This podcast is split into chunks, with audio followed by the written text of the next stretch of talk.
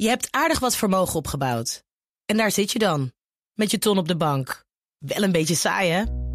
Wil jij, als belegger, onderdeel zijn van het verleden of van de toekomst? Bridgefund is een slimme fintech die een brug slaat tussen de financiële behoeften van ondernemers en van beleggers.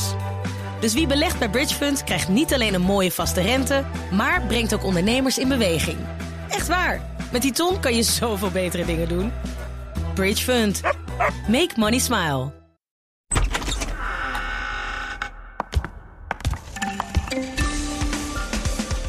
In ieder geval, de recorder staat aan, aan deze kant. Jullie zijn er stil van. Sorry, ik ben me even aan het. Ik zit even op een pagina. Is, eh, soms kom je dan dingen tegen en denk je, oh, dat is interessant. Eh, whatever. Op de ministeriële fraudebestrijdingscommissie uit 2013. Maar ik ben er weer. Ja, mooi. Eh, en het klinkt allemaal eh, ouderwets, eh, alsof we in coronatijden zitten, zou ik haast zeggen. Want eh Sophie, jij bent thuis. Eh, Laurens, jij zit eh, in je tweede huis in Den Haag. Zeker, ogenblik. inderdaad. En toen dacht ik, dan is het wel zo handig als ik ook niet in de studio zit. Dan gaan we dat op de ouderwetse manier opnemen. Dus we klikken weer een beetje alsof we midden in de coronacrisis zitten. Ja. Dat is zo, hoe, voelt, hoe voelt dat? Ja, heel vertrouwd. Ja, Ja, precies hè.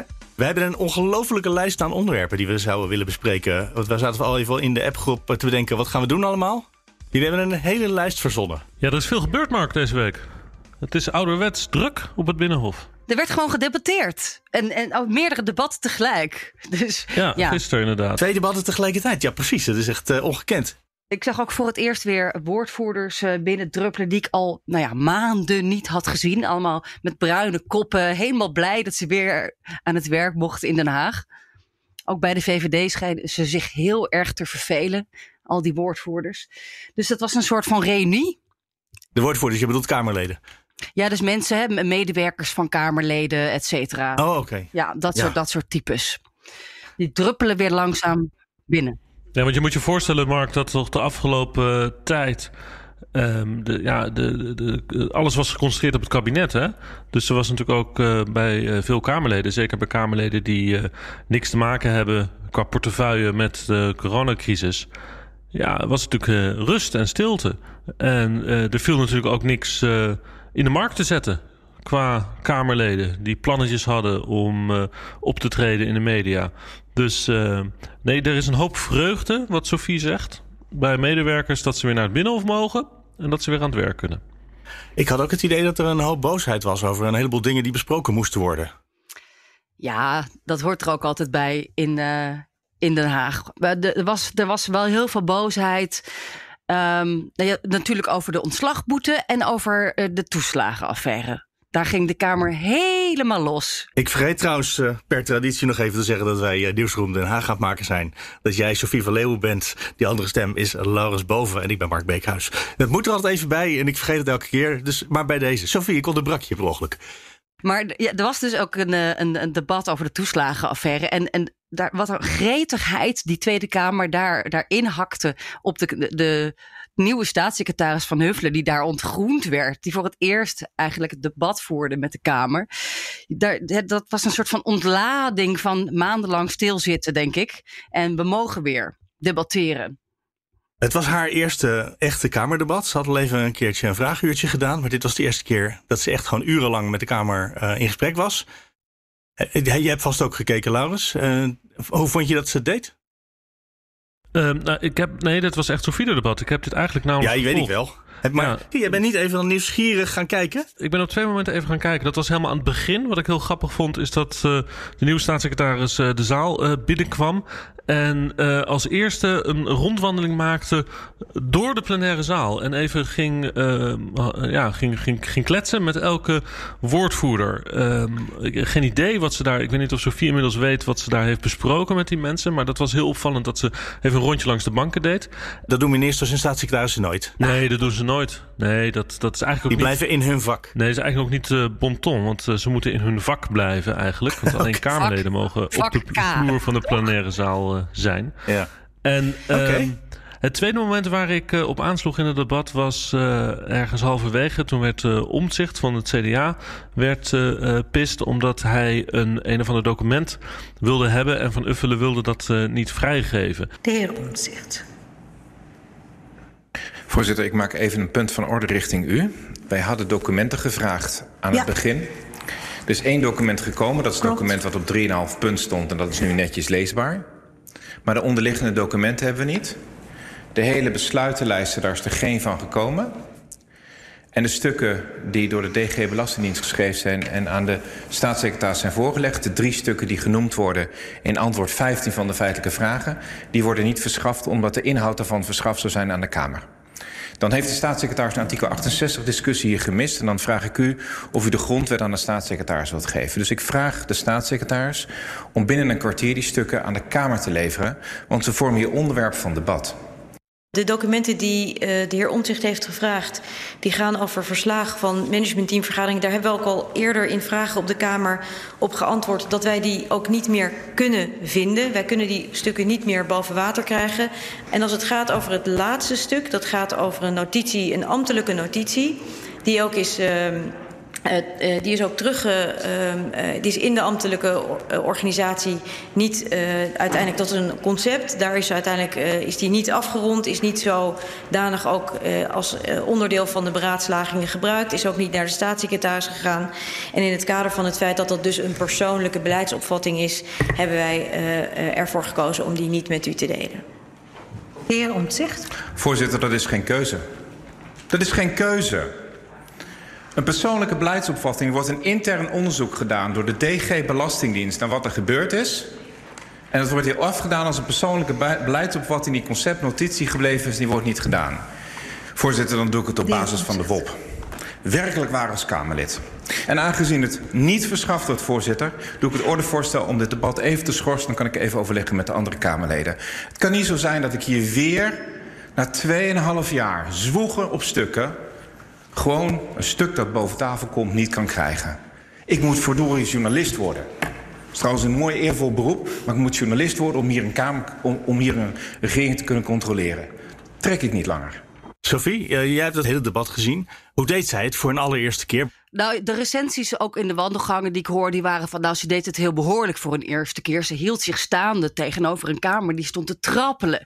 Uh, heel boos was vanwege een brief die die avond daarvoor was verstuurd. Um, over ambtenaren die eigenlijk he, onschendbaar wilden, blijven... in ruil voor informatie over die toeslagenaffaire. Nou, laaiende kamer... Um, dus ze hield zich dus staande, maar het was echt een ontgroening. En het was een machtsstrijd, vond ik, tussen de Tweede Kamer, omdat zij daar voor het eerst stond. En, en ook Pieter Omtzigt van het CDA, die meteen liet weten: ik ben hier de baas. Geef mij die documenten, geef mij memo's. Anders leg ik de vergadering stil of dat eis ik. En ja, dat kreeg hij ook nog voor elkaar. Ze moest eerst, eerst zei ze nee, dat doe ik niet. En ze moest toch toegeven uiteindelijk. En, en verloor dus die machtsstrijd uh, met Pieter Omzicht. De, uh, dat gevecht over of de Kamer documenten van de regering kan krijgen, dat is iets wat al een paar weken, wat zeg ik, een paar maanden speelt. Hè? Een, uh, een strijd in heel veel debatten steeds terugkomt. Ja, al, en al jaren zijn ze daarmee bezig. En ik denk dat de Kamer nu het moment aangrijpt van. Hè, er, er, staat een, een, die van Huffelen staat daar dus nu nieuw voor het eerst met een schone lei. Dan gaan we ook nu de rollen omdraaien. En wij willen alles op tafel. En de Belastingdienst mag niets meer achterhouden. En dat gaat dan zo ver dat, dat Omzicht ook uh, memo's eist van de ministeriële commissie fraudebestrijding. Uh, die in 2013 is ingesteld. Waarvan de voorzitter onze premier is, Mark Rutte. En die komt dus deze week in beeld als de grote verantwoordelijke voor die klopjacht op de ouders in de toeslagenaffaire. Althans, dat is de vraag. Wat wist Mark Rutte hiervan? In hoeverre uh, heeft hij uh, dit al die tijd geweten? En ook Lodewijk Asscher, die toen minister van Sociale Zaken was, wordt meerdere malen bij naam genoemd in de Kamer. PvdA kreeg er van langs in het debat. Want ook hij had het kunnen weten. En wat is daar gebeurd? in, die, in die commissie Wat is daar besproken? Alles moet nu op tafel. Vindt Ja, de Tweede Kamer natuurlijk gewoon Kamerlid, staat tegenover de regering. Eh, was misschien mede verantwoordelijk als mens. Maar ja, in functie is hij inmiddels opgevolgd. Hè? Dus dat is ook een ingewikkelde constructie. Dat is ook staatsrechtelijk heel ingewikkeld om dus eh, überhaupt ook hè, dus die, die memo's eh, nu openbaar te krijgen. Maar ik hoor in de oppositie hoor ik, nou, desnoods gaan we gewoon naar de ambtenaren en dan gaan we kijken hoe die memo's, hè, die vergaderingen zijn voorbereid. We kunnen dat gaan wobben. Wij als journalisten kunnen ook. Hè, volgens de Ja, wet elke Nederlander kan dat. Ja. kunnen, kunnen gaan, gaan onderzoeken wat er eh, in die voorbereiding van die eh, ministeriële commissie eh, na 2013 is besproken op de ministeries. Wat lag daar voor informatie? Dus eh, we kunnen hier achter komen, maar dit gaat nog heel lang duren. Ja. Wat is nou de gevolg daarvan? Dat, ik kan me voorstellen, je zit in de regering en je maakt ineens een oppositiepartij mede verantwoordelijk. Eh, daarmee ehm, voorkom je misschien een echt al te harde aanval op de regeringspartijen. Ik kan me voorstellen dat dat de strategie is. Aan de andere kant wordt het ook tot het allerhoogste niveau, tot Mark Rutte aan toe, eh, wordt het inmiddels, eh, ja, die wordt ook geïmpliceerd in het hele proces. Daarmee kan het zowel escaleren als ook dat kan ook afschrikken aan alle kanten. Hoe, wat, wat moet hier het effect van zijn? Ja, ik denk dat eh, deze, dit, dit toch wel het begin is van een verdere klopjacht. En ik, ik, denk, ik denk dat dit wel heel gevaarlijk is en kan worden. Want ik hoorde toch Renske Leijten nog heel teleurgesteld zijn in haar collega's die allemaal geen parlementaire enquête wilden. En iemand wilde wel een parlementaire ondervraging. Eh, en die werd daarop aangesproken, want dan zit je meteen het Openbaar Ministerie met zijn onderzoek in de weg. Dus we moeten hier voorlopig toch maar niet te diep in gaan graven, was een beetje de implicatie.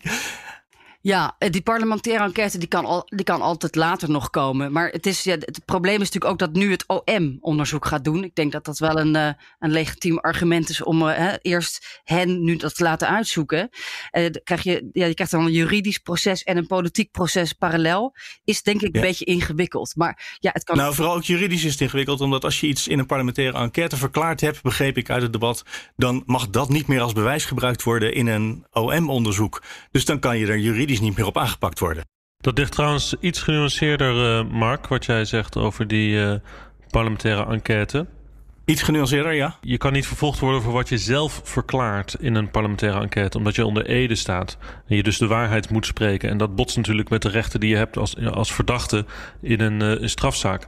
Maar dat betekent Ja. niet dat eh, bewijs wat bijvoorbeeld de parlementaire enquêtecommissie boven tafel haalt, niet gebruikt kan worden in een strafzaak door het Openbaar Ministerie. Dus, dus- Nee, het bewijs van alle anderen mag wel gebruikt worden. ja, precies. Ja. Ik denk overigens dat ehm, eh, het is een beetje een lastige eh, kwestie, lastige vraag die je stelt. Want het is eh, speculeren op een hele ingewikkelde manier, omdat je ook echt geen idee hebt wat er speelt. Hè? Want het gaat dus over de vraag: is Mark Rutte en is Lodewijk Asscher bij dit verhaal betrokken? Maar dat weten we helemaal niet, hè? We hebben echt werkelijk waar geen idee. En als ze betrokken zijn, dan kan het een hele grote zaak worden. Maar we zitten natuurlijk eh, in een situatie dat we geen idee hebben wat er in die documenten staat en of dit soort dingen zijn besproken op dat niveau, hè? De, de uitvoering van de fraudebestrijding.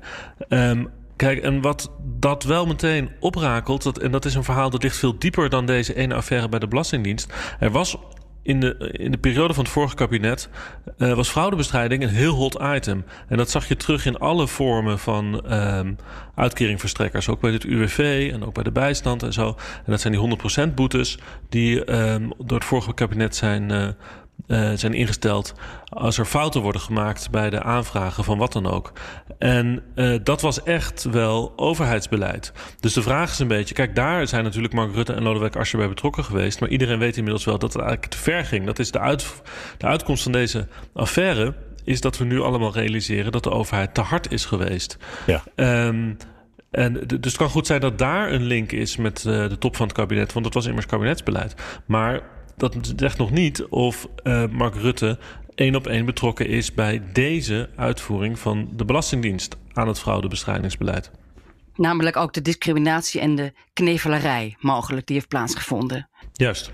Nou, Goed, en als je inderdaad het zo beschrijft, iets te speculatief, dan gaan we snel door naar een volgend onderwerp. Ehm Laurens, wat, waar ben jij mee bezig geweest deze week? Nou, ik wou het Mark nog één keer, voor de laatste keer, Ja? Over eh Wieberen van Haga en zijn overstap naar eh, Forum voor Democratie hebben. Als je het goed vindt. Ik vind het fantastisch. Hij is officieel in de Kamer toch nog steeds uh, het, de groep van Haga? Of is hij daar nu ook officieel toegelaten tot de fractie? Nee, nee, nee. Hij is de, de, de groep van Haga. En uh, dat betekent dus eigenlijk dat, dat was gisteren wel leuk te zien trouwens in het debat over het economisch steunpakket uh, in de coronacrisis. Dat uh, Forum voor Democratie dus de meeste spreektijd heeft van alle fracties. Hè? Want ze hebben dus gewoon de normale spreektijd vanwege de Forum voor Democratie fractie. En, en dus nog spreektijd vanwege Wiebe van Haga, die op persoonlijke titel natuurlijk in de Kamer zit en ook spreektijd heeft. Dus ja.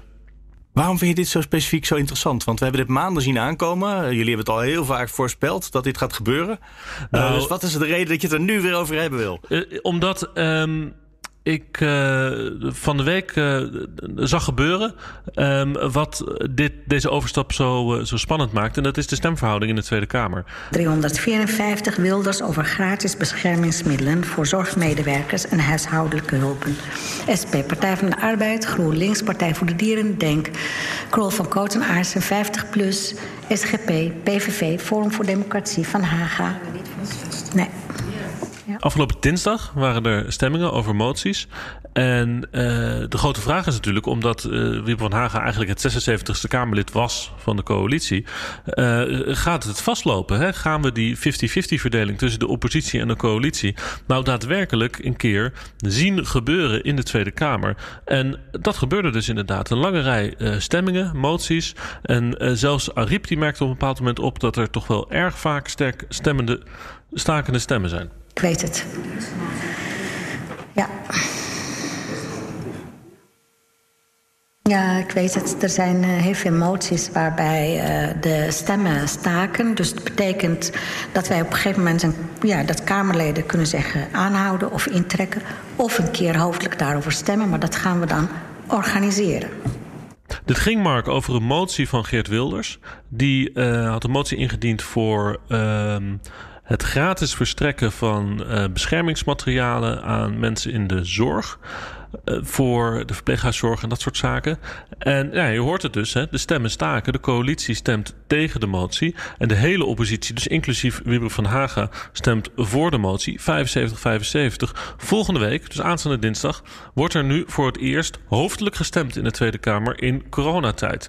Voorzitter, uh, wij zijn tot nu toe altijd heel bereidwillig ja, geweest, zoals u weet. Uh, maar dit gaat wel iets over wat heel actueel is. Dus ja, ik zou hem op zich wel willen aanhouden. Maar dan wil ik wel dat we binnen nou, één, twee weken wel stemmen. Want dit is wel iets wat over beschermingsmiddelen voor personeel gaat. Dus ik wil dit niet op de lange baan schuiven. Dus als u uh, nou, dus nou is volgende week dinsdag dan hoofdelijk stemmen ja. als dat kan. Nee, als iemand een hoofdelijke stemming wil, dat weet u, dan uh, gaan we dat gewoon organiseren. Dat betekent dus volgende week dinsdag gaan we hoofdelijk stemmen. En dat is een procedure. Ja, dat wordt een, uh, dat wordt een festijn. Want ze gaan dat stap voor stap doen. ze gaan in groepen van 50 Kamerleden stemmen. Nou, dan gaan er dus eerst 50 Kamerleden de Tweede Kamer in. Die moeten dan hoofdelijk stemmen. Dan gaan die er allemaal uit. Wordt de zaal schoongemaakt. Komt de volgende 50. En dat dan nog een keer. En dan is dus over deze ene motie, dat gaat misschien wel, ik weet niet, een uur duren of zo, over deze ene motie hoofdelijk gestemd. Wordt wel spannend. Hoe je hoort het uh, al zeggen dat er dus uh, ja, wel wat. Uh, dat het haar ja, wel wat problemen oplevert, omdat er dus zo vaak nu de stemmen staken. Vandaag had toch beloofd dat hij mee zou stemmen met de regering? Nee, hij stemt alleen mee met de regering als het gaat om het regeerakkoord. En niet uh, over al het andere laat hij uh, gewoon uh, zijn mening de loop en stemt hij mee met wat Forum wil. En de vraag is nog een beetje hoe sterk die belofte is over de dingen die in het regeerakkoord staan. Moet je overigens bedenken dat het regeerakkoord is natuurlijk bijna uitgevoerd. Hè? En we zitten ook in een crisis, dus het regeerakkoord is wat minder relevant. Minder dan een jaar voor de verkiezingen. Maar toch, uh, het bestaat nog steeds. En we zitten vooral te kijken rondom uh, dingen als klimaatbeleid, Europese Unie, dat soort zaken. Voor veel zaken heeft de regering wel gewoon een meerderheid uh, via een aantal andere oppositiepartijen. Maar het kan voorkomen dat er op een een of andere cruciale stemming ja, dit een rol gaat spelen. En kijk, Wiebe van Haga zegt wel: ik ga gewoon het regeerakkoord volgen als dat van belang is. Hè, als er daar een stemming over is. Maar ja, hij is inmiddels wel lid van Forum. En um, Thierry Baudet zal natuurlijk hem proberen over te halen om gewoon de Forumlijn te kiezen dan. Uh, en niet de regeringslijn. En ja, dat is de vraag: wat gaat hij doen? Gaat hij dan toch richting zijn nieuwe vrienden? Of gaat hij uh, zich houden aan zijn oude belofte tegenover de VVD? Weet je, er is nog één ander interessant punt rondom die uh, stemmingen, wat echt heel opvallend is. Dat is het, uh, de, de, de, momenten waarop de PVV en Forum voor Democratie verschillend stemmen. Want meestal staan die aan dezelfde kant bij moties of bij amendementen of bij wetsvoorstellen. Uh, behalve bij uh, sociaal-economische thema's of bij bijvoorbeeld dingen rondom de woningmarkt. Daar stemt uh, Forum mee met rechts en de PVV mee met links. Dus je ziet daar bij die twee rechtspopulistische partijen dus een duidelijk verschil in de kiezersdoelgroepen die ze proberen aan te spreken. Waarbij de PVV ja, toch meer de, zich richt op de ja, hoe zou ik het noemen? De, de, de, de huurders en de Forum op de verhuurders, uh, PVV op de werknemers, Forum op de werkgevers. Hè, die scheiding zie je dus daar op rechts. Dat is wel heel grappig. Zag je ook gisteren, hè, Laurens? Uh, natuurlijk het uh, tweede steunpakket van het kabinet is door de Kamer geloodst. En ook Forum is daar constructief, steunt het. Van Haga steunt dat pakket gewoon. Trouwens. en de PVV, wat deed die?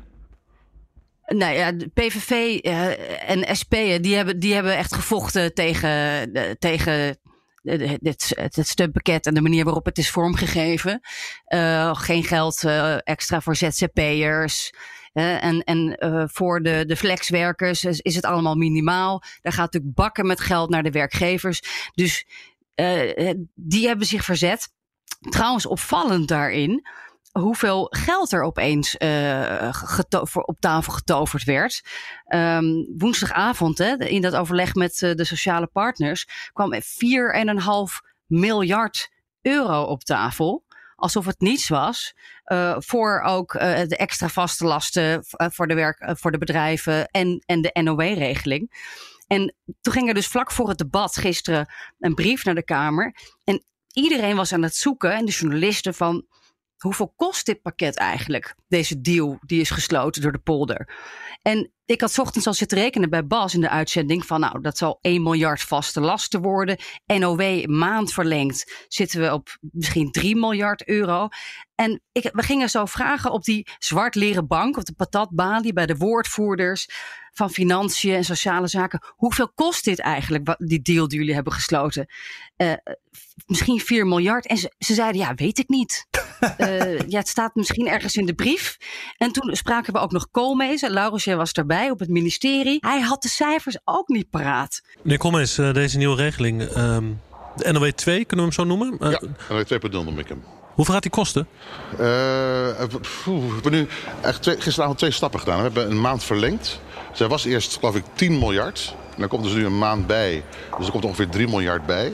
Uh, dus uh, uit mijn hoofd dan 13, 13,5 miljard euro. Maar wat echt opmerkelijk is, is dat uh, we besluiten deeltjes midden in de nacht. met Han Busker en Hans de Boer. Dat wordt door de Kamer geloodst. Niemand weet precies over hoeveel het gaat. En, maar iedereen is het eens. En iedereen steunt, nou ja, op misschien de, de, de, de uiterst links- of rechts partijen, het kabinetsbeleid. Ja, en het spannende, Sophie, vind ik ook nog wel dat het eigenlijk dus niet eens gaat om het geld. Hè? De discussie gaat niet over het geld. Bij, bij vorige conflicten, uh, meer geld voor de leraren of, of uh, noem ze allemaal maar op. Dan gaat het juist heel erg over het geld. En dan wordt er over geld onderhandeld. En dan weten ze tot drie cijfers achter de komma precies uh, welke percentages wat betekenen. Maar nu gaat het kennelijk helemaal niet over geld in de discussie. Nee, we gaan en weten dus bedragen dus ook niet. Tijd gaan we van 13 miljard naar 17 miljard. En ik sprak die woordvoerder van Financiën nog. Ik zei, ja, hoe, hoe, hoe hoog staat de rente nu eigenlijk? Ja, die is, die is op dit moment nog negatief. Dus we verdienen er nog aan. We, eigenlijk verdienen we nu geld aan die leningen. Dat is misschien de reden dat ze bij het ministerie zoiets hebben van... Swa. Maar we begonnen met de observatie dat alles weer gewoon wordt. Uh, dit klinkt helemaal niet gewoon. Het klinkt een beetje raar zelfs. Dat is toch raar? Ik vind het ook raar. Ja, ik vond het, het heel raar. op zijn minst. Maar Mark, het is ook nog niet, het is nog niet gewoon in Den Haag. Nee, duidelijk. Maar je ziet de normaliteit langzaam aan de horizon wel opdienen.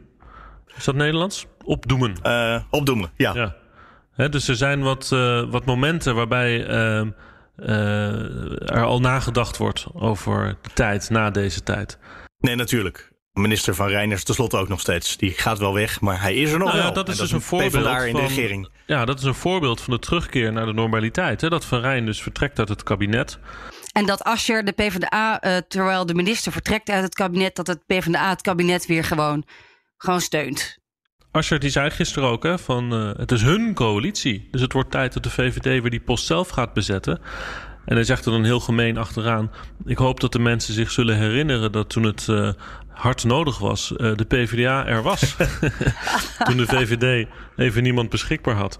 Weet je, dat, dat gaat hij natuurlijk proberen uit te buiten, dat, uh, dat argument. het was gisteren wel een hele bijzondere situatie hè, met hoe dat allemaal liep. Dat is ochtends in de krant. Uh, staat dat de PvdA-fractie er genoeg van heeft dat uh, Van Rijn uh, minister is. Ja, bij de PvdA-fractie zeiden de woordvoerders allemaal tegen mij van... ja, maar wij hebben helemaal niks anders gezegd dan altijd... en dit is helemaal geen nieuws en zo. Maar het, het was wel degelijk nieuws. En um, het, dat was het moment dat het eigenlijk klaar was. Want ik begreep gisteren, uh, zo al pratend... dat er binnen de coalitie ja, wel een bedoeling was... of de hoop of gesprekken waren... om Van Rijn uh, langer aan te houden.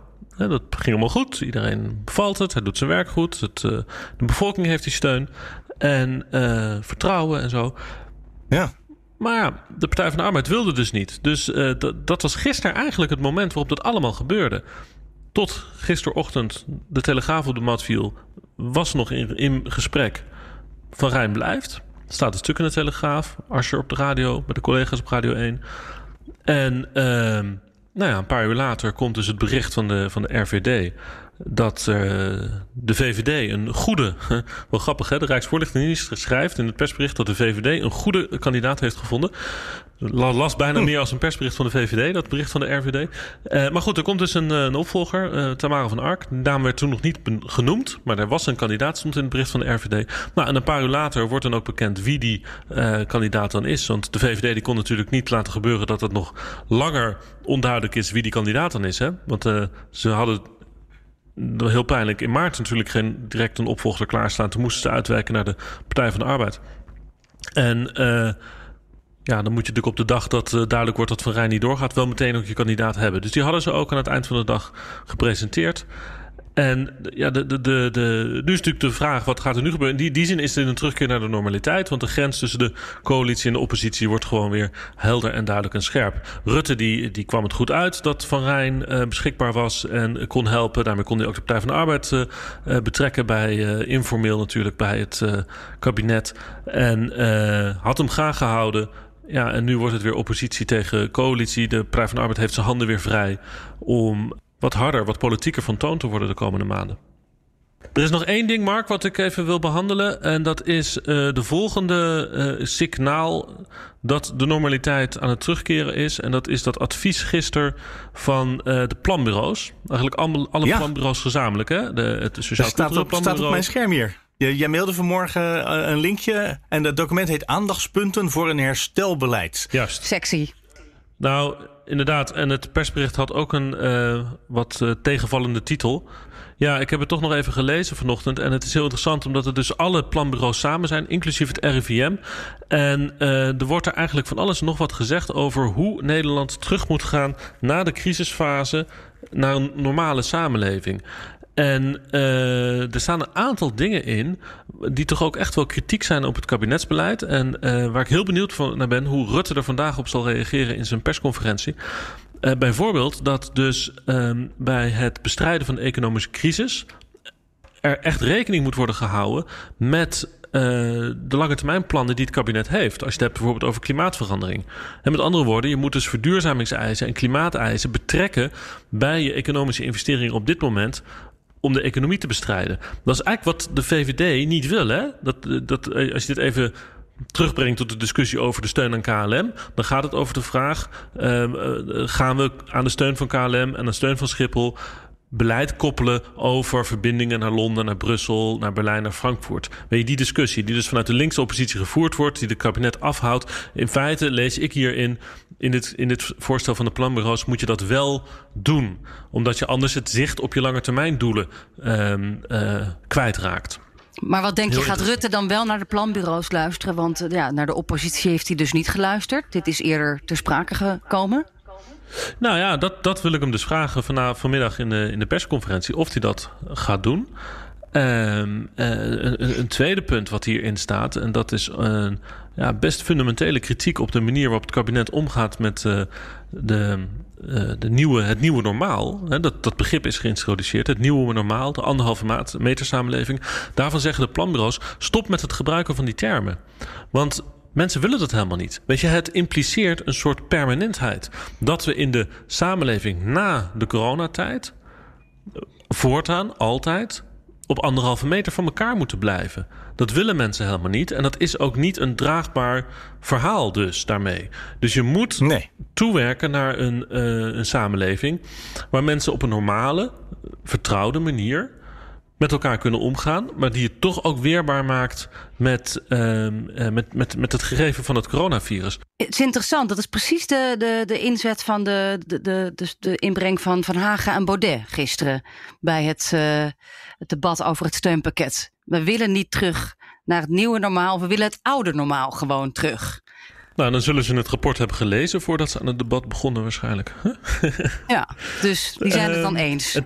Een, tweede of een derde punt wat hierin staat, dat is dat uh, we uh, eigenlijk moeten in, in, in kaart brengen wat de kwetsbare mensen in de samenleving zijn. En daar echt een strategie gaan voor ontwikkelen. Voor hoe je die mensen beschermt bij een nieuwe uitbraak. Want in feite, dat staat er ergens letterlijk in, is het systeem van uh, dat je mensen in een verpleeghuizen niet meer in contact laat komen met hun familie of hun, hun, hun mantelzorgers, dat is onmenselijk.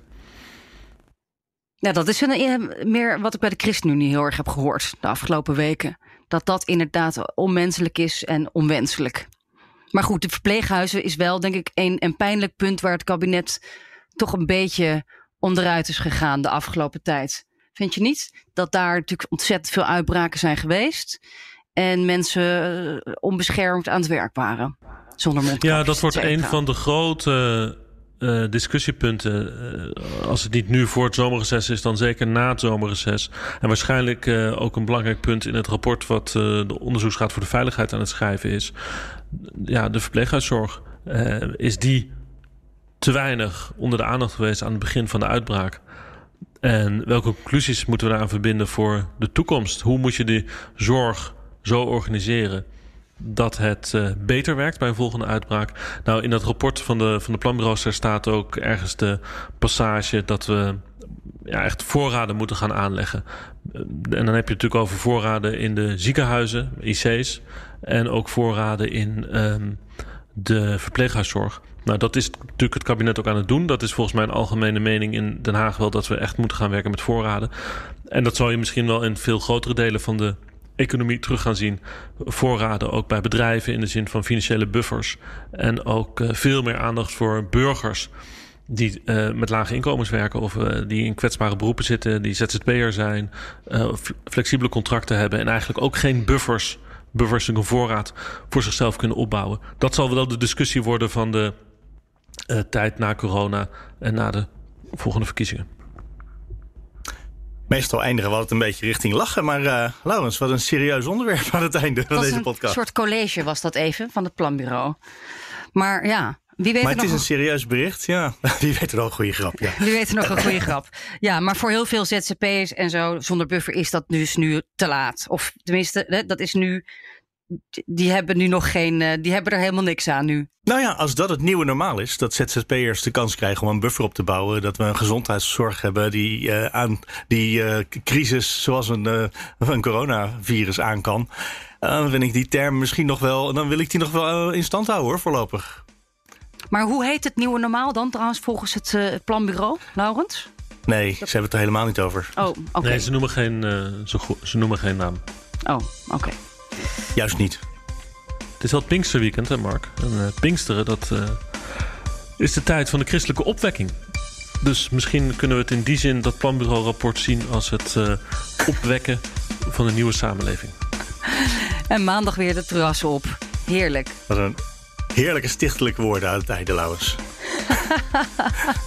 Laten we dan ook iedereen opwekken om zich te abonneren op deze podcast, het Nieuwsroom Den Haag. Of als je vijf afleveringen per week wil horen, Nieuwsroom. Want we komen aan het einde. Mailen kan naar nieuwsroom.bnr.nl en nieuwsroom.fd.nl. Tot volgende week.